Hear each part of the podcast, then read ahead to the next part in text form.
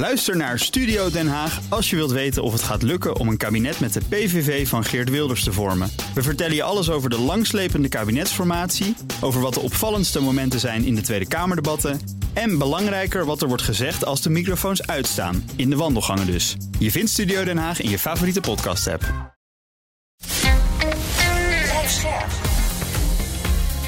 BNR Nieuwsradio. Napleiten. Wouter Laumans en Christian Vlokstra. Vanuit Afrika via Italië zien wij veel uh, geldsmokkelaars. Uh, dus wat is dan het profiel bijvoorbeeld? Dat is dan van iemand die keurig gekleed is, een niet-Nederlands uiterlijk heeft en snel loopt um, en door de hal.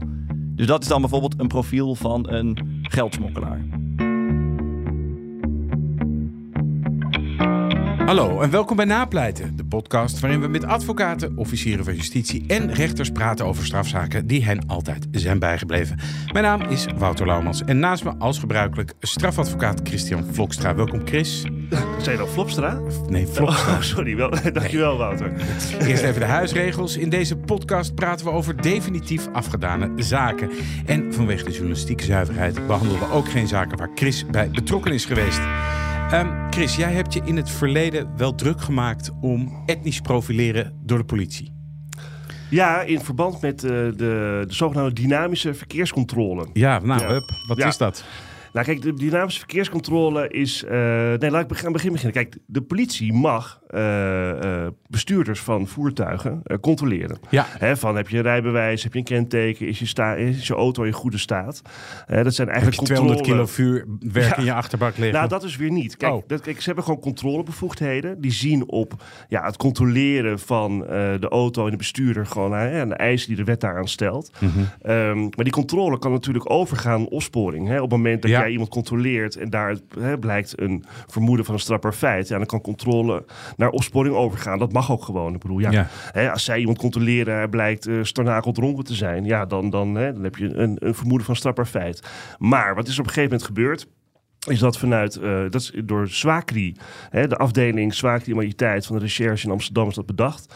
Die dacht van nou, weet je wat we doen? We gaan die controlebevoegdheden inzetten en van daaruit gaan we eigenlijk opsporing doen. Uh, door te vragen aan bijvoorbeeld de mensen van... hey, uh, mogen we je auto doorzoeken? Hè, of, het, of het creëren van omstandigheden... die, die mogelijk een strafbaar feit impliceren. Uh, waarom ook? Om op die manier eigenlijk makkelijker ja, auto's te kunnen controleren... of er doop, of er geld, Ja, ja. wapens in liggen. En wat je daarbij zag, dat criteria die gebruikt werden... Een van de criteria die daarbij ook gebruikt werden was bijvoorbeeld etniciteit.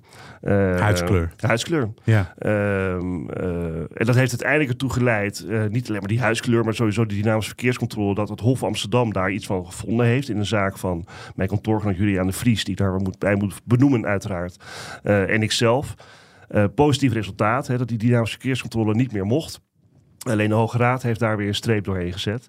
En heeft gezegd, het mag wel. Uh, en daarbij mag etniciteit ook een rol spelen. Okay. Alleen mag niet uitsluitend een rol spelen. Of in overwegende mate. Wat ik een heel dubieus criterium vind. Maar daar gaan we vandaag denk ik nog wel verder over praten. Ja, want we gaan naar de zaak. Om illegaal verblijf in Nederland tegen te gaan... controleert de Koninklijke Marechaussee vliegtuigpassagiers, treinreizigers en weggebruikers uit landen van binnen de Europese Unie. En dat noemen we zogenaamde MTV-controles. En MTV dat staat voor Mobiel Toezicht Veiligheid. Uh, en om te bepalen wie ze eruit zouden pikken, keken marechaussees voorheen onder meer naar huidskleur.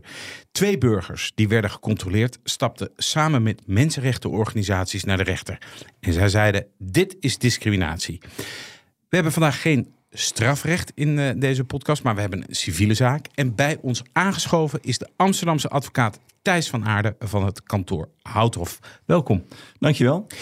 Um, jij stond deze burgers en organisaties, en er was ook uh, Amnesty International bij, die stond jij bij. Hoe kwam deze zaak eigenlijk bij jou terecht? Um, via Pro Bono Connect en via onze Pro Bono Commissie. Wat is dat? Dus wij hebben een, een pro bono commissie bij Houthof en die is gericht op, op diversiteit en inclusiviteit. Ja. En Pro Bono Connect, dat is een, uh, ze noemen het zelf een clearinghouse de, voor, voor pro bono zaken, wat Pro Bono Connect doet, is zij brengen vraag en aanbod bij elkaar. Dus als er dus eh, organisaties zijn met een bepaalde hulpvraag Ja. ehm, om pro bono bijstand, dan zoekt Pro Bono Connect, die zoekt dan naar advocatenkantoren die kunnen helpen. Heel even. We kennen Prodeo bijstand. Wat is pro bono bijstand? Prodeo is dat je het zeg maar eigenlijk gratis doet. Wat is pro bono? Eh, pro bono is eh, ook dat je het gratis doet. In ieder geval Houthof heeft deze zaak om niet gedaan. Ja, ja. Oké. Nou ja, Eh, misschien is het even goed hè, voor de luisteraar. Kijk, wij weten het wel wat Houthof is. Hè, maar ik denk misschien heel veel mensen niet. Houthof, Buurma nog steeds of alleen Houthof? Houthof. Houthof. Er is een groot ja, commercieel kantoor op de, op de Zuidas in Amsterdam. Ja. Er staan natuurlijk veel bedrijven bij. Hè. Eh, nou, het zijn gewoon kantoren die enorme omzetten hebben en heel veel geld verdienen, laten we eerlijk zijn. Maakt het ver niet uit. Een commerciële eh, praktijk. En je zegt eigenlijk, wij hebben zeg maar, binnen Houthof hebben wij een, een afdeling die zeg maar om niet bepaalde eh, organisaties of personen bijstaat in, in, in wat voor zaak dan ook. En dat ziet dan op diversiteit en inclusie. Nou, dat klinkt heel hè?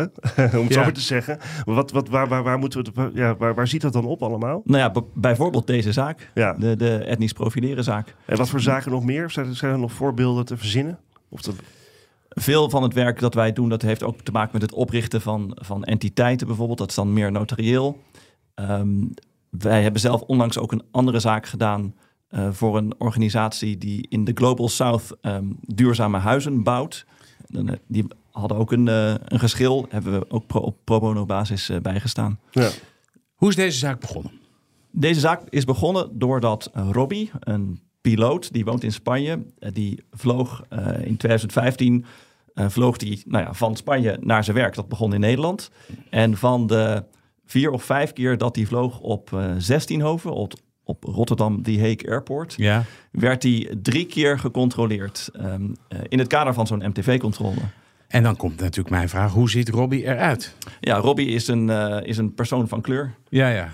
Oké, dus eh, en, en Robbie had eigenlijk zoiets van... dat is niet toevallig dat ik hier zo de hele tijd eruit word gepikt. Ja, Robbie heeft dat ook gevraagd eh, aan de, aan de marechaussee. Waarom werd ik er nou uitgepikt? Ja. Ehm, en in één geval kreeg hij helemaal geen antwoord daarop. In een ander geval zeiden ze... ehm, ja, je bent de tiende persoon ehm, in de rij. En, en wij controleren elke tiende persoon in de rij. En dat was niet de ervaring van Robbie. Nee. En een andere keer werd gezegd... ja, je bent de laatste uit het vliegtuig.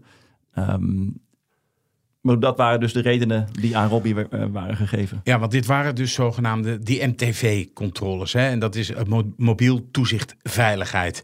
Ehm, hoe, hoe gaat zo'n controle in zijn werk? Want dat heb jij natuurlijk allemaal uitgezocht. Ja, dus dat zijn controles die zijn eh, gericht op het eh, vaststellen van iemands identiteit, nationaliteit of eh, verblijfsstatus. Ja.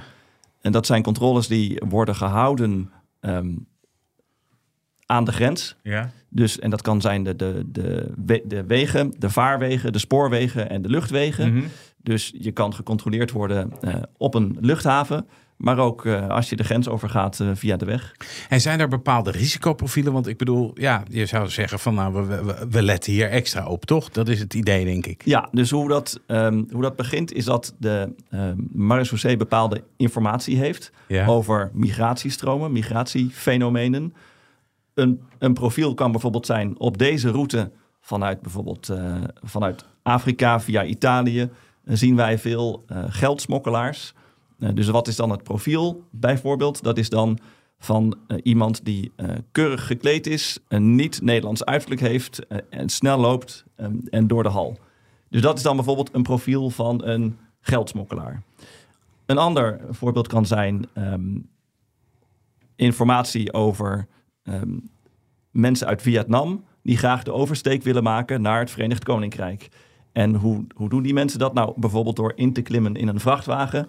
Dus dan is het profiel bijvoorbeeld, nou ja, eh, we, gaan kijken ehm, aan parkeerplaatsen. eh, om drie uur s'nachts. Om te kijken of daar mensen met een Vietnamees uiterlijk rondlopen. die proberen in te klimmen in een vrachtwagen. om zo de oversteek te maken naar het Verenigd Koninkrijk. Oké, Robbie vertelt jou dit verhaal. Van, joh, ik ben eh, een aantal keer uit die, uit die eh, stond ik daar gewoon in de rij en werd ik eruit gepikt. Wat was jouw juridische analyse daarvan? Ja, dus, dus ehm, toen, eh, toen Robbie bij ons kwam, toen waren er ook al ehm, advocaten van, van PILP, NJCM. Dus het, het, Wat is dat? Dat is een ander kantoor. Ja, Public Interest Litigation Project. Dus deze zaak is bij ons gekomen via een hoop schijven. Ja, ja. Dus Robbie eh, die werd geholpen door Radar, een van de partijen in de zaak. Ja. En, en dat is een, een antidiscriminatiebureau. Meneer Bamenga werd geholpen door eh, Pilp. En wie is meneer Bamenga? Want dat weten we nog niet. Wie is dat? Eh, Die- Dat, dat is ehm, ook een persoon van kleur die vloog op eh, Eindhoven Airport en daar werd gecontroleerd. Oké. Maar een En- piloot ook, of een passagier gewoon. En meneer Bamenga is, is politicus. Oké. Ja. En die vloog van binnen de EU naar, naar eh, de luchthaven. En Ja, werd, werd naar. Eindhoven. En daar werd hij gecontroleerd. Ja. Ja, ja. Maar mag ik even, ja, sorry, mag ik even vragen hoor, even voor mijn beeld. Ehm, en ik denk ook voor de luisteraar. Kijk, in principe is het natuurlijk zo dat je binnen de EU vrij mag reizen. Ja. Hè? eh, en ik zit even zelf te denken, wanneer ik nou binnen de EU bijvoorbeeld op Schiphol ben geweest, maar dat is wel lange tijd geleden. Eh, want normaal gesproken hè, eh, kom je aan op Schiphol, hè, als je vanuit Italië of uit Spanje vliegt. En mag je, als je EU bent, mag je gewoon doorlopen, word je niet gecontroleerd, toch? Dat is, er zijn geen grenscontroles. En dat is precies het punt. Ja, en want ik ben bijvoorbeeld wel eh, een tijdje terug vanuit Suriname gekomen. Nou, dat is sowieso 100% controle, maar dan moet je echt door de hele riedel. Hè. Dan wordt- je paspoort gecontroleerd, alles. Ja, dus daar zullen ze niet staan. Nee, dus eh, waar het hier om gaat is dat jij vanuit binnen de EU kom je op Schiphol aan. Ja. Ehm, en, dan, en dan kan je eruit gepikt worden door de Koninklijke Marechaussee. Ja. Eh, en, wat, en dan wordt er extra gecontroleerd op, zeg maar, ja, op, je, op je gegevens. Of je, welke nationaliteit je hebt, je verblijfsstatus en je identiteit, toch? Precies, dus je paspoort wordt... ehm, je moet het je zo voorstellen. Er komt een, een, een rij uit dat vliegtuig Ja. voor, eh, door de slurf in, in zo'n hal. En dan staan ze daar eh, aan, het, ehm, aan de uitgang van die slurf. Ja, Dat heb ik ook wel eens gezien. Ik ben ook wel. Nu ik, ik bedenk opeens, hé, hey, dat heb ik ook wel eens gehad. Ja. Ik kwam vorig jaar terug uit Venetië en toen moest ik ook eh, mijn paspoort laten zien. Toen had ik. En toen weet ik nog dat ik tegen die, eh tegen die Waar slaat dit op, joh? ja. En toen zei hij: Nou ja, vanuit Italië eh, vindt eh, veel eh mensensmokkel plaats of zo. Iets in die geest, zei Ja. hij. En daarom werd mijn paspoort gecontroleerd. Maar ik kan me wel herinneren dat ik het eigenlijk een beetje beledigend vond. Dat ik, wat bemoei je Ja. mee? En terwijl, terwijl die mensen doen natuurlijk gewoon alleen maar hun werk. Maar ik hij weet wel dat ik dacht van, wat is dit voor, voor iets, joh? Ja, en kan je nagaan hoe dat dan is voor mensen die er eh, veel vaker uitgehaald worden dan jij? Ja. Maar eventjes over die risicoprofielen. Hè? Want je, je gaf net het voorbeeld van, van de geldhandelaar uit, eh, Ja. uit Italië. Eh, stel je voor, hè, er is een, een, een, een fenomeen waar bijvoorbeeld echt iets totaal achterlijks. Hè? Dus Vietnamezen die vanuit eh, Italië geld komen eh, handelen, ik zeg maar wat. Ja. Eh, dan kun je natuurlijk zeggen, nou alle, alle Vietnamezen eh, uit Italië, die gaan we extra controleren.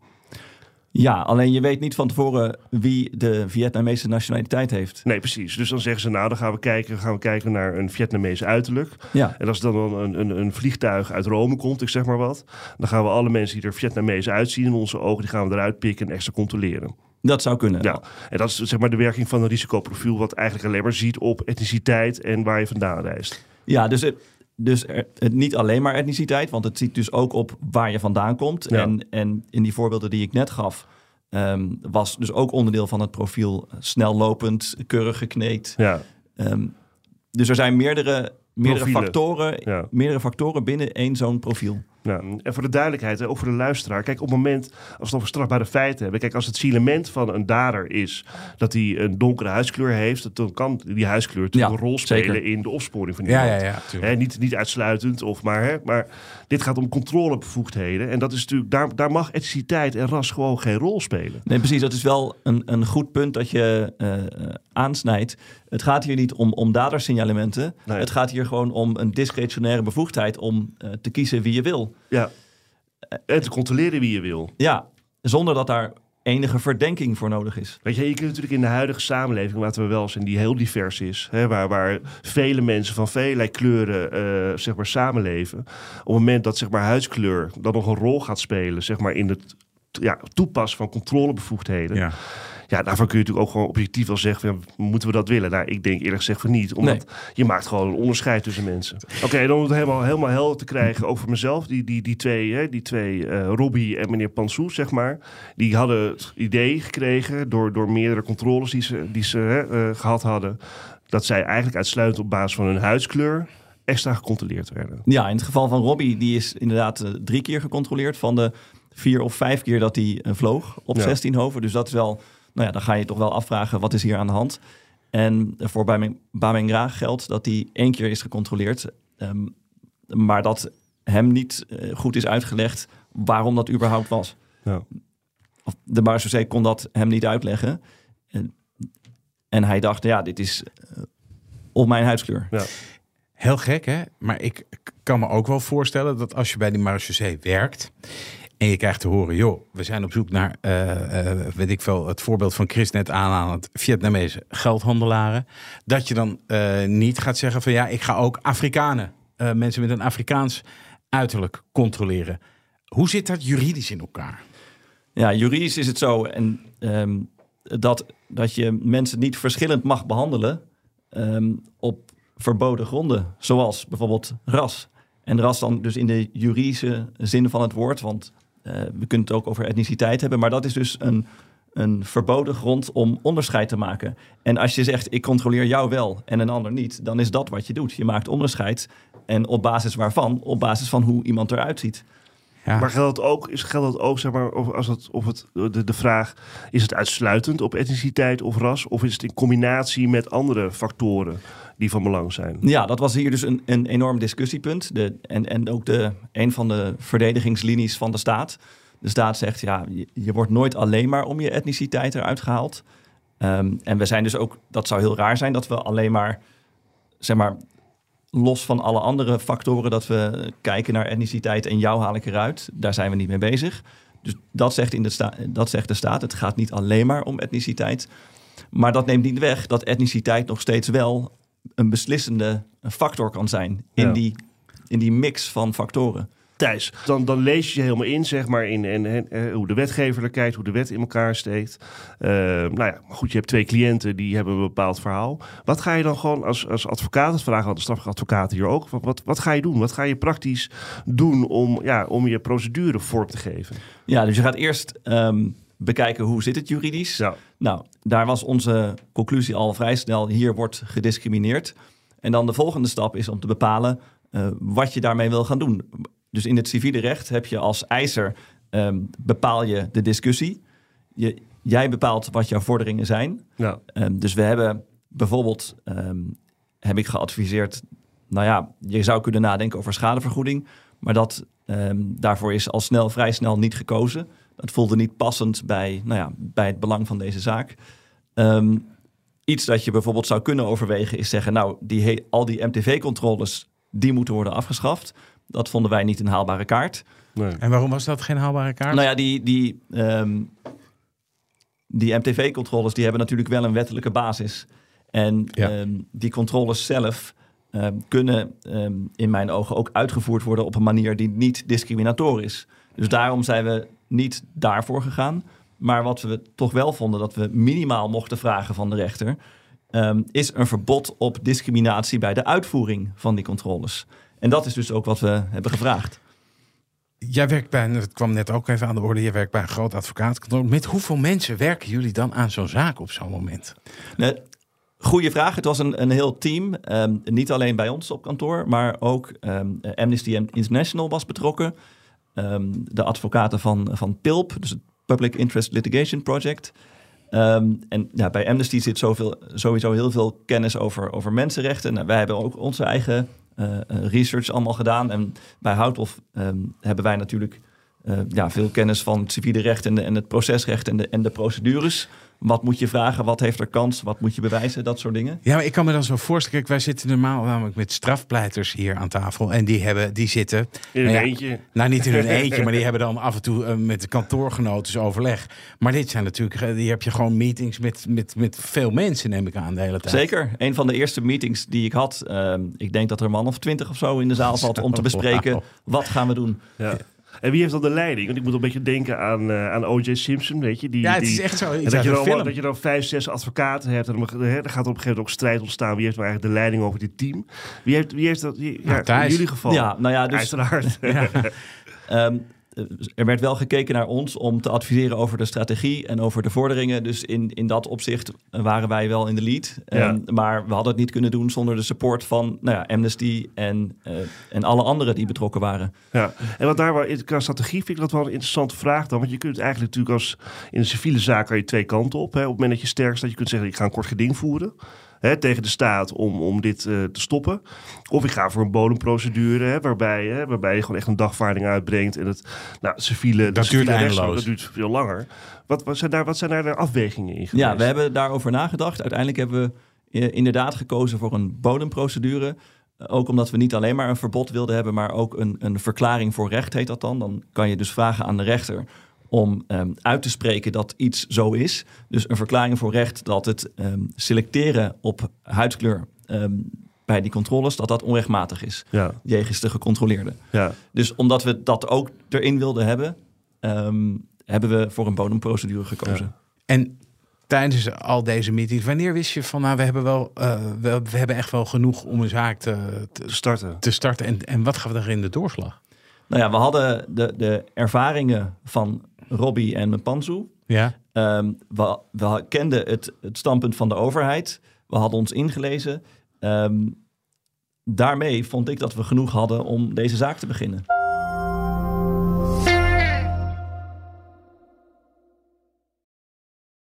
Ook Bas van Werven vind je in de BNR-app. Ja, je kunt live naar mij en Iwan luisteren tijdens de ochtendspits. Je krijgt een melding van Breaking News. En niet alleen onze podcast Ochtendnieuws, maar alle BNR-podcasts vind je in de app. Download nu de gratis BNR-app en blijf scherp. Was jouw juridische analyse dan, hè? eh, of jullie juridische analyse, dat het zo is dat etniciteit per definitie geen rol mag spelen in die profilering? Hè, ook niet in combinatie met andere factoren? Of eh, eh, kon je hard maken dat het uitsluitend op basis van etniciteit of ras plaatsvond? Nou ja, de juridische analyse is als het verschil in behandeling eh, in beslissende mate is gebaseerd op een verboden grond, Ja. dan is dat sowieso niet te rechtvaardigen. Dan is het verboden. En kon je dat hard maken? Ja, want de- de staat zegt wij mogen dit doen. Ehm, Ja, die betwisten dat überhaupt eigenlijk niet. Dat etniciteit een beslissende rol speelde. nee, de staat zegt ehm, het, het, die wijst op de andere factoren die er ook zijn. Maar in het geval dat dus stel ehm, jij en ik lopen door die controle en we worden er niet uitgehaald en iemand anders die er precies zo uitziet als wij, behalve dan dat hij een persoon van kleur is, die wordt er wel uitgehaald. In zo'n geval is het onderscheid nou eenmaal eh, huidskleur. Ja, En dan, dan, is het dus het, eh, dan word je dus verschillend behandeld op grond van een verboden grond. Nee, maar dan begrijp ik je goed. Is dat eigenlijk in die zin het makkelijk was, is dat, dat de staat niet, niet eh, gewoon erkende dat etniciteit een beslissende rol kon spelen in de selectie van personen Ja, bij de controle. De staat zei niet met zoveel woorden, het speelt een beslissende rol. Maar de staat zei wel, ja, etniciteit. Want dat was ook het overheidsstandpunt. Hè? De staat zegt wel, etniciteit kan een rol spelen bij de controle. Ja, maar ja, goed, als je dan kijkt naar, de, naar het arrest van de Hoge Raad in dynamische verkeerscontrole, wat natuurlijk eigenlijk Ja. een soortgelijke situatie is, die zegt ja, etniciteit mag inderdaad een rol spelen, Eh, alleen niet in beslissende mate. Ja, precies. Dat heeft de Hoge Raad ook gezegd. Dus, Heb jij, toeval, heb jij naar het arrest van de zaak van Chris gekeken? toen nou ja, het, het zat Ja. ons Ja. ehm, ehm, wel een beetje de weg, Ja, vond Oh. ik. Ja, door de Hoge Raad. Nou ja, en, maar goed, je, je, je kan die beslissing van de Hoge Raad ook zo uitleggen dat in dat geval eh, er geen sprake was van een verschil in behandeling in beslissende mate gebaseerd op etniciteit. Omdat in dat geval, nou ja, je hebt daar ook nog een auto, Andere, ja. een auto die door een loesje verhuurbedrijf werd, werd verhuurd, Ja. geloof ik. Ja. Dat weet jij beter dan ik. Nee, klopt inderdaad. Ja. Ja, dus, dus wij vonden dat we dat, eh, dat we dat op die manier wel konden, konden uitleggen. Maar belangrijker was dat het Mensenrechtenhof gewoon zegt... ja, een verschil in behandeling ehm, dat in beslissende mate is gebaseerd op etniciteit... dat mag gewoon niet. En dat valt gewoon niet te rechtvaardigen. Nee. Wat ik, wat ik, eh, ja, nou, ja, wat ik zo boeiend vind. Ja, het gaat even, het gaat, het gaat hoog over, jongens. Want ik moet, eh, ja, ik moet wel alle is- juridische zijden hierbij zetten om dit te volgen. En want bij, het stra- ja, bij een strafzaak is het doel van zo'n advocaat die is helder. Hè? Een zo goed mogelijke uitkomst eh, voor de verdachte. Dat is dus strafvermindering of soms vrijspraak. Eh, jullie inzet, wat was die? Afschaf van die controles? Wat, wat, was, wat was de inzet? Ja, dus eh, de inzet was een verbod om bij het uitvoeren van die MTV-controles... om daar een selectie te maken die eh, mede is gebaseerd op etniciteit. Gewoon over, dus dat de, dat de rechter dat verbiedt aan de staat. En wat ik ook heel interessant vind, is dat je natuurlijk dan tegenover pelsrijken staat. Dus dan heb je twee, twee gigantische eh, ja, juridische... eh, Kolossen. Ja, houwitsers die tegenover Heel elkaar staan. Jij bent het, voor jou is het natuurlijk gewoon eh, another day at the office. Maar hoe, hoe is dat? Want ik heb altijd begrepen dat als je tegenover pelsrijken komt te staan... nou, dan komt er wat binnen. Want de staat heeft diepe zakken, zeggen ze altijd. Ja, nou goed, wij bij Houthof zijn wel equally matched, zou ik denken. ja. Ja, eh, hoe is dat? Ja, niet anders dan, dan een andere zaak. Wij proberen gewoon elke zaak optimaal te doen. Ja, Ja, maar ja. goed, het is wel grappig wat jij zegt hoor. Kijk, het is ook een beetje vanuit onze perceptie, ook die van Wout. Omdat jij natuurlijk heel veel met strafrechtadvocaten omgaat. Ja, daar zie je dus een één pitter die tegenover Ja. de staat. Dus die staat tegenover het openbaar En weet je nog dat wij het ministerie. een tijdje hadden over Tim de Greven? eh, die Ja. die hele oorlog heeft met het Openbaar Ministerie over het verschoningsrecht. Eh, en wat, daar, wat je daaruit kunt leren is dat... Kijk, wij als strafrechtadvocaat, als wij tegen Pels Rijk tegenkomen te staan... wat natuurlijk vaak is hè, als verdachte... ja, dan staan we in ons eentje tegen het grote Pels Rijk. En los dat ze groot zijn, ze hebben veel meer mankracht. Hè, ze, ze, kunnen, ze kunnen veel meer dan wij. Maar voor, voor kantoren op de Zuidas is dat gewoon, weet je, dat zijn gewoon dezelfde type kantoren. Alleen zij werkt toevallig voor de staat. Dus zij gaan nog wel staan van, hé, hey, Zwaargewicht tegen zwaargewicht. kom maar op. Weet je, en dat is natuurlijk wel, Ja. dat maakt het wel mooi, denk ik. Eh, ja, maar, Maar- goed. Ja, voor maar- Thijs is het gewoon another day at the office. Nou ja, wat, ik, ja. wat ik zeg inderdaad, wij komen wel vaker tegen grote Ja. kantoren te staan. Ja. Dus wat dat betreft zijn we daar niet meteen van onder de, onder de indruk. Totaal nee. niet juist. Nee, ja. nee. Dus wij, wij behandelen elke zaak gewoon eh, zo goed mogelijk. En of dat nou tegen een groot kantoor is of tegen een klein kantoor, dat maakt voor de behandeling van die zaken Maar hoe werkt het dan? Jullie brengen die dagvaardingen uit, Ja. klats. Ja, En dan wordt er dan niet gebeld vanuit Pelsrijken naar uh, Hout of... hé hey jongens, wat flikken jullie ons nou hier? Eh, nee, nou ja, goed. Procedureel hoe dit eh, werkt is, dit was ook nog een, een collectieve actie. Dat is dus een, een actie voor een, een, gro- een grotere achterban. Eh, en in dat soort zaken moet je eerst overleg zoeken. Dat hebben we gedaan, dus men wist er wel van. Ja. Hoe verloopt dan zo'n zittingsdag? Want ik ben natuurlijk, eh, ik heb wel eens een, een kort geding aan mijn broek gehad. En nou ja, goed. Maar hoe, hoe verloopt zo'n zittingsdag in dit soort zaken, in zo'n bodemprocedure? Hoe gaat dat? Nou, daar gaat nog heel veel aan vooraf volgens mij, of niet? Ja, dus eh, wij brachten een dagvaarding uit met onze eis. Ja. De, de staat mag dan, eh, mocht dan reageren, dat hebben ze gedaan. Dat heet dan een conclusie van antwoord. Ja. Wat stond daarin ongeveer? Nou ja, wat ik, wat ik zei, ehm, die, dat die beslissingen om iemand te selecteren niet eh, alleen maar worden gebaseerd op etniciteit. En daarom mogen. En daarom mogen. En, Ja. precies, en, en er werd uit, heel erg uitgelegd ehm, ja, wat het doel is van die controles. En waarom het toch een goed idee is om eh, deze bevoegdheden te geven aan de marechaussees. En dan ga jij zeggen, nou, dat vinden wij niet. Precies, dus toen kwamen we op zitting inderdaad. Ehm, dat is misschien anders dan in strafzaken. Zo'n zitting duurt twee, drie uur. Dan doen beide partijen hun verhaal. Ehm, en dan is het eh, wachten op uitspraak. In principe is dat niet zo anders dan, eh, dan een strafzaak. Maar, maar stelt, de rechter stelt er ook vragen, of Zeker, niet? ja. En, en hoe zit het bij jullie? Hè? Want zij kwamen in een conclusie van antwoord. Was je daar een beetje van onder de indruk? Dat je dacht, nou, dat hebben ze wel lekker in elkaar gezet. Of viel dat mee? Nou ja, het was een, een professioneel gemaakt stuk. Ja. Het is wel dodelijk. Het had, een mooi mapje. Professioneel gemaakt stuk. Ja, Nou ja, dan ga ik ook eens een keer over regisseur van het OM zeggen. Nou, ik vond het een professioneel gemaakt regisseur. ja mooi. Maar inhoudelijk. Nee, maar inhoudelijk, wat kan ik ervan zeggen? Volgens mij alle argumenten die, die, ik zou voeren eh, vanuit hun kant, die hebben zij ook gemaakt. Ja. Maar, Dus maar, wat dat maar betreft was het een is prima wel van stuk. belangrijk. Want dan zit je dus met een, een, een enkelvoudige rechter. Of niet? Meervoudig in deze zaak. Dat zou ik moeten nagaan. En, en, die, Volgens mij en, die, meervoudig. en die stellen Ja. dan vragen tijdens zo'n zitting. ja. Eh, eh, hoe, hoe, kan je nog herinneren hoe, hoe dat ging? Dat je daar een beetje, bijvoorbeeld in strafzaken is het zo, dat je, nog, hè, dat je een beetje kan voelen aan de sfeer op zitting en hoe de vragen worden gesteld. Dat je denkt, nou, dit kan wel eens de goede kant op gaan, van, of juist niet. Ik vind het zelf heel moeilijk om aan de hand van vragen van de rechters te, te bepalen welke kant zo'n zaak op gaat. Ja. Want volgens mij is het juist zo, ehm, als je kritische vragen krijgt en die goed kan beantwoorden, dat, die- dat die zaak dan in jouw voordeel kan uitvallen. Omdat een rechter dan bij zichzelf nagaat, oké, heb ik genoeg om deze partij in het gelijk Maar te... was de, maar was de rechter bijvoorbeeld kritisch in de, in de, in de vraagstelling richting de staat? Ik kan me dat niet goed herinneren, Nee. omdat, dit, omdat de zitting in eerste aanleg al eh, best een tijdje geleden is. Ja, Eh, en we hebben dat daarna natuurlijk ook een hoger beroep gehad. ja, ja. Wat ik me ook nog afvraag, is tijdens de gesprekken met cliënten. Hè, ehm, kon jij iets voorstellen bij hun gevoel? Of laat ik het anders formuleren. Heb jij ooit wel zoiets meegemaakt dat je vond dat je onterecht gecontroleerd werd? Eh, in Nederland niet. Ehm, ja, ik kan me persoonlijk kan ik me er dus niet zoveel bij voorstellen. Nee. Ik kan me wel voorstellen dat het heel vervelend is als je Ja. een persoon van kleur bent en dus steeds maar weer in die situatie terechtkomt. Ja, want we, hier- we zitten hier met z'n eh, eh, drie eh, witte mannen op een rijtje. Dus ik vind het ook altijd... Nou ja, je kan wel- heel snel denken van... Ja joh, dan word je een keertje gecontroleerd in zo'n rij. Wat maakt dat nou uit? En dat is natuurlijk voor jouw cliënten was dat helemaal anders. Ja, maar ja, Ja. stel je eens voor op een ander niveau. Hè? Bijvoorbeeld nu, als je bij de Albert Heijn boodschappen doet. Hè? En dan heb je al die zelfscan kassen hè, tegenwoordig. Ik bedoel, eh, als, jij, eh, als je gewoon elke keer, van de vijf keer dat jij naar de Albert Heijn gaat, word jij drie keer gecontroleerd. Weet je, of je nou, nou wit, zwart, bruin, paars of wat dan ook bent. Maar vooral voor de, zeg maar, de witte mensen. Die, dan, dan denk je op een gegeven moment... Ik denk nog al bij twee keer dat ik denk... oh, Why? Waarom ik dan? Zijn mijn boodschappen heel raar of zo, die, die ik hier gekocht heb? Dus op het moment dat jij eruit gepikt wordt ten opzichte van anderen... wat je dus daar ook hebt...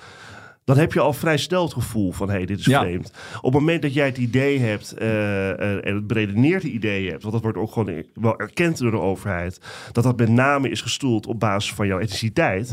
ja, hoe zou jij je voelen? Ja. Ja, je, wordt, je, je voelt je al gauw tweederangs burger, kan ik me voorstellen. Ja.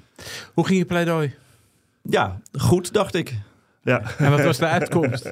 Vorderingen afgewezen, dus dat was eh, ja, toch niet goed. Ehm, Hoe lang duurt dat dan eigenlijk in het civiele? Want je hebt dan die, die, die zitting hè? eh, en dan moet er op een gegeven moment een vonnis komen. ja, Is dat ook twee weken zoals in een strafzaak? nee, dat, kan langer duren. Ja. Dat kan wel een paar maanden duren. En dat was nu ook zo. Ja, ik zou het moeten nagaan wat... eh, nou, oké, maar je, je, krijgt, je weet van, joh, dan komt het vonnis. ja. Zijn dat spannend, is dat een spannend moment voor jou? Vind je dat spannend? Zeker, Ja? zeker. En wat het in deze zaak extra spannend maakt, was dat het, ehm het vonnis mondeling werd uitgesproken. Oh, ben je gegaan ook? Zeker, iedereen is gegaan eh, van, van de coalitie. Al, alle, nou, de, de twee burgers en de, en de vier entiteiten, die zijn allemaal gegaan. Oh. Ja, En hoe was dat? Hoe was, hoe ja, was dat was wel eh, een schok. En ja, de, de verslagenheid was groot. Ja. Ehm, Wat, we hebben, wat, wat waren de overwegingen van de rechtbank? Weet je dat nog? Ja, ehm, de overwegingen waren dat. eh, dus je hebt een aantal stappen die je moet zetten om tot zo'n beslissing te komen. Stap 1 is: wordt hier onderscheid gemaakt? Nou, daar vond de rechtbank eh, met ons van: nou ja, dat kan gebeuren. Ehm, en de rechtbank vond dat dat onderscheid eh, gerechtvaardigd was, objectief gerechtvaardigd. Want dat kan in sommige gevallen, eh, niet in dit geval. Ehm, maar de rechtbank vond van wel en daarom heeft de rechtbank ehm, ja, onze vorderingen afgewezen. De rechtbank zei: hoe, jij, hoe iemand eruit ziet, iemands etnische kenmerken, die hoeven niet, maar die kunnen wel iets zeggen over iemands herkomst en nationaliteit. Nou, en herkomst, dat maakt niet uit voor de controle, want de controle is gericht op het vaststellen van nationaliteit en niet op iets, ja, iets vaags als herkomst. Ehm, en ja, dat je, dus het idee dat je eh, aan de hand van iemands huidskleur kan bepalen welke nationaliteit die persoon heeft, ja, dat is gewoon fout. Ja. En ik bedoel, dan heb je dus eigenlijk een zeepert gehaald, eh, gehad. Weet je wel? Ja, zo is het. Nou ja, Ja. Ik, heb, ik heb er niet al te lang geleden, hebben we er een met het parool eh, gehad. In de civiele procedure heb ik er een. Ge... Ik stond toen echt op, eh, ik weet nog dat ik dat toen dat vonnis kreeg. Dat ik dacht, wat is, wat, wat is dit joh? Dit heb ik nog nooit Ja, je hebt dat heel rustig opgepakt, weet ik nog wel. Nee, ja. helemaal niet. Ik ben een heel slechte verliezer. Maar ik, ik heb dan ook gelijk zoiets. Nee, moeten, dit moeten we gaan rechtzetten. Ja. Had jij dat ook? Ja, nou ja, we hadden. Een, Of eh, gaat er dan eerst bij, Houten wordt er natuurlijk dan eerst een meeting belegd? Nee, we hadden een meeting. Dus we, we waren al met z'n allen aanwezig in Ja. Den Haag. En we hadden ook al een, ehm, een zaal gereserveerd om na afloop van die uitspraak eh, te bespreken en te bepalen wat we zouden doen. Ja. En volgens mij met één of twee uur hadden we wel beslist met z'n allen. eh, hier gaan we tegen in hoger beroep. Ja, wauw. Maar het is wel even, even juridisch inhoudelijk vind ik het wel interessant. Hè? Want wat de rechtbank eigenlijk doet, is dat ze zeggen... eh, kijk, die controles die, mo- die mogen natuurlijk worden uitgevoerd. Hè? Ja. Ik bedoel, er zit gewoon een wettelijke basis onder. Ehm, eh, dat was nog niet de kwestie. Maar zeg je, en, en etniciteit, ras mag daar een rol in spelen. Alleen het, eh, in combinatie met andere indicatoren. Ja, en niet gebleken is, althans in hun ogen, dat het uitsluitend op basis van ras is gebeurd. ja. Daarmee hebben ze in feite, als we weer de, de, de koppeling maken met dynamische verkeerscontrole, hebben ze in feite zeg maar, daar aansluiting bij gezocht. Ehm, eh, en dat mag dan juridisch kennelijk ook, hè, in de ogen van de, van de rechtbank. Ehm, was je daardoor verrast over dat juridische oordeel? Ehm, ja, ik was, in, ik was verrast omdat ik een andere analyse had gemaakt. En omdat Ja. ik ervan overtuigd was dat dit dus wel verboden discriminatie was. Ja, ook zeg maar in de combinatie met de andere indicatoren. Ja, zeker. Ja, ja. Ja. Dus daar was die beslissing hoger beroep, die was vrij snel Ja, gemaakt. precies. En hebben jullie toen nog eh, dingen aangepast? Want eh, toen wij, ik weet, eh, bij mij, toen ik in hoger beroep ging, hebben we wat dingen aangepast. Hebben jullie dat ook gedaan? Nou ja, dus het, het voordeel van zo'n hoger beroep is dat je ehm, wel weet waar bij de vorige rechter de pijnpunten zaten in Ja. het verhaal. Ehm, en wat wij in het hoger beroep hebben gedaan, we hebben nog duidelijker laten zien hoe de rechtspraak van het Mensenrechtenhof is. En die, mensen, die, uit, die rechtspraak is dus heel streng. Die zegt ehm, een verschil in behandeling eh, dat in beslissende mate is gebaseerd op etniciteit, dat is sowieso verboden en daar kan je dus niet rechtvaardigen. Wat de rechtbank dus wel had geoordeeld. Ja. Dus eh, zolang het maar, ook al is het in, in, in, in combinatie met andere factoren, als het in beslissende mate op die huidskleur is of op de etniciteit is, dan is het per definitie verboden. Ja, als die selectiebeslissing inderdaad, wat je zegt, als die selectiebeslissing in beslissende mate gebaseerd is op, eh, op etniciteit, ja, dan kan je dat niet rechtvaardigen, is het sowieso verboden. Ja. Ja, de- de- en dat zijn natuurlijk grote belangen. Want dit gaat voor over eigenlijk, hè, zo'n zaak als deze gaat eigenlijk over heel veel mensen. Zeker. Eh, iedereen die de grens overkomt Ja. en die eh, in de ogen van de marechaussee voldoet aan een bepaald profiel.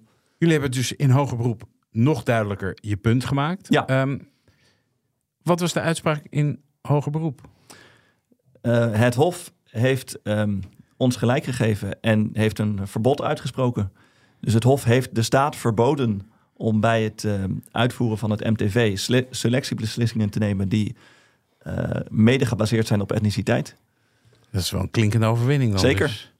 Hoe voelt dat dan? Ja, dat voelt heel mooi. Ja, het, en het geeft eh, veel voldoening om voor nou ja, zo'n grote achterban eh, iets te bereiken en, en om zo'n mooi maatschappelijk doel te dienen. Ja, wanneer was die uitspraak ook weer? Nou, die was eh Recent. februari dit Valentijnsdag. jaar. Eh, Ja, 14, 14 Ja, februari. ik- het, werd, het werd toen ook echt een eh, historische uitspraak genoemd. Ja, nou ja, dat, het is ook nogal wat dat ehm, eh, de rechter de staat terugfluit eh, op, op een ja, toch wel beladen onderwerp als dit. Maar is het nou zo dat zeg maar, het Hof heeft, heeft eh, geoordeeld dat ik op geen enkele manier etniciteit nog een rol mag spelen zeg maar, bij die controles? Ja, volgens mij is dat zo. Ja. Als je kijkt in het, eh, het, het dictum, dus Ja. de uitspraak, de beslissing, eh, daar zegt het Hof dat. Het dictum. Maar dat is, maar dat is verstrekkend. Hè? Is, daar, is daar überhaupt eh, cassatie tegen ingesteld door de staat? Nee, eh, de staat heeft daarvan afgezien. Ja. En heb je dan ook het idee... eh, want kijk, de marechaussee kan natuurlijk zeggen... dat doen we niet meer, maar ondertussen wel gewoon doen... maar niet opschrijven, laat ik het Ja. zo zeggen. Eh, is vanuit jullie, vanuit jullie groep zeg maar, die hiermee bezig zijn... is nou het idee dat het ook daadwerkelijk opgehouden is? Nou, Amnesty, ehm, du- dus dat is buiten mijn zicht. Want ik ben als advocaat, eh, heb ik deze procedure gevoerd. Ja, en dat was, de volgende. nou ja, Ja. dat was mijn rol inderdaad. Ja. Ja. Maar ik ehm, ja, sta wel nog in contact met onder andere Amnesty. Ehm, en Amnesty heeft mij verteld ja, ehm, dat zij dus wel in contact staat met, eh, met de politie, de marechaussee, om te kijken hoe nou uitvoering moet worden gegeven aan deze beslissing. En ja, zoals we weten, het kabinet is gevallen een tijdje geleden, dus alles wat met beleid te maken heeft, dat, dat ligt een beetje stil. Ehm, maar ik begrijp dat Amnesty dus wel eh, ideeën heeft over eh, hoe die MTV-controles moeten Nou, na dit arrest. En, dat daar, en dat Amnesty dus daar ook eh, aandacht voor gaat vragen. Ja, want kan, kan dit arrest, eh, kan dat nou ook gevolgen hebben voor bijvoorbeeld de politie en andere controleorganen in Ja, zeker. Ja. Ja. Het principe dat eh, staat als een huis en dat, dat is niet alleen maar beperkt tot die MTV-controles. Nee, want als we dan weer even de koppeling maken met de dynamische verkeerscontrole. Kijk, de, de, de vraag die je natuurlijk kan stellen is hoe dit arrest van het Hof in Den Haag in een civiele zaak, waarbij ze zeggen etniciteit, ras mag geen rol spelen in de selectie, zich verhoudt tot zeg maar, het arrest van de Hoge Raad in de dynamische verkeerscontrole, waarin de Hoge Raad zegt ja, het mag wel, alleen niet in beslissende mate. Hè, En maar wat dat- is dan beslissende mate? Nou ja, da- daar kun je een, Nou ja, een, als je- een, een vraag over stellen, maar Nou- ook zeg maar van ja, hier mag het überhaupt niet en daar mag het wel. Dus Kijk, de, wat is besli- in beslissende mate? Nou, het, antwoord op die vraag is, is best te geven. Als er een andere beslissing eh, was genomen als iemand anders was behandeld... ehm, in het geval dat hij bijvoorbeeld niet een persoon van kleur was, ehm, maar een witte man... ehm, dan heb je dus een verschil dat in beslissende mate is gebaseerd op die grond. het gewoon een doorslaggevende factor Ja, is geweest. Precies. Ja. Oké, dus eh, dat betekent dus, Dus bijvoorbeeld twee Marokkanen op een scooter. Of twee witte jongens op een scooter. Als de afweging dan anders was geweest, dan... Ja, zouden die witte jongens ook gecontroleerd zijn? Eh, als het antwoord dan nee is, ja, dan heb je dus een, in beslissende mate een, een Ja, en dan denk ik aan de, werk, de, de werkelijkheid op straat. Het antwoord daar zou zijn, ja, die hadden we dan ook gecontroleerd. Toch? Is Ja, dat goed, dan maar niet dat, heel dat makkelijk is natuurlijk het probleem van, zeg maar, van de, juridische werkelijkheid en de papierwerkelijkheid en hoe het uiteindelijk zeg maar, op de werkvloer natuurlijk wordt opgepakt. Ja, Thijs, is jouw beeld ten aanzien van controles en dat soort... Ja, dat zal wel helemaal veranderd zijn van, van hoe je dat daarvoor had, denk ik. Hoe bedoel je dat? Nou ja, ik... Dat je ik- meer bewust was. dat misschien. je, ja, dat je Ja, aanvankelijk zeker. denkt van ja, ze controleren eens af en toe wat mensen en eh, pff, het zal allemaal wel. Ja, je, tenminste, ik, ehm, ik had er nooit zo bij stilgestaan voordat ik deze zaak kreeg. Dat is wel waar. Thijs van Haarden, hoe kijk jij terug op deze zaak? Nou ja, het was e- echt een prachtige zaak om te doen. Ehm, juridisch heel uitdagend. En het, het heeft gewoon heel veel voldoening gegeven om nou, ja, iets, iets moois te doen voor een hele hoop mensen. En om ja, Nederland een stukje eh, inclusiever te maken. Mag ik even een persoonlijke vraag Ja. stellen, Thijs? Tuurlijk. Eh, hè, want je doet veel eh, intellectueel eigendom en zo Ja. hè, in je normale praktijk. Nou, dat Ja. gewoon de, co- de commerciële rechtspraktijk. Is niks mis mee, hè, voor de duidelijkheid. Ehm, Net zoals met, de, straf, net zoals met de strafrecht. is ook helemaal niks mis mee. Is ook niks mis mee. Nee, maar Ja. Ik vraag me dat gewoon af, hè, omdat je hier natuurlijk echt met een maatschappelijk ding hè, zit. En je hebt uiteindelijk heb je, het goede resultaat behaald. Dat gaf veel voldoening. Ja. Eh, wat geeft nou meer voldoening? Zoiets? Of Kijk, dat is nou een mooie gewetensvraag. Ik denk dat ik vind het allebei leuk. En, en die combinatie, die afwisseling, die, eh, die maakt het echt mooi. Ja, Ah, kijk. juridisch antwoord. hè, Ja, juridisch- antwoord, mooi. Thijs van Aarden, enorm bedankt voor, je, voor dit verhaal en je komst naar onze studio. Ja, graag gedaan. Dit was Napleit. Mijn naam is Wouter Lammers. En naast me zit co-host advocaat Christian Vlokstra. Als u zich abonneert op deze podcast, dan bent u direct op de hoogte bij een nieuwe aflevering. En we zouden het heel leuk vinden als u een recensie achterlaat. Tips kunt u sturen naar napleit.bnr.nl. Verder zijn we te volgen op X en Instagram. Dank voor het luisteren en heel graag tot de volgende keer.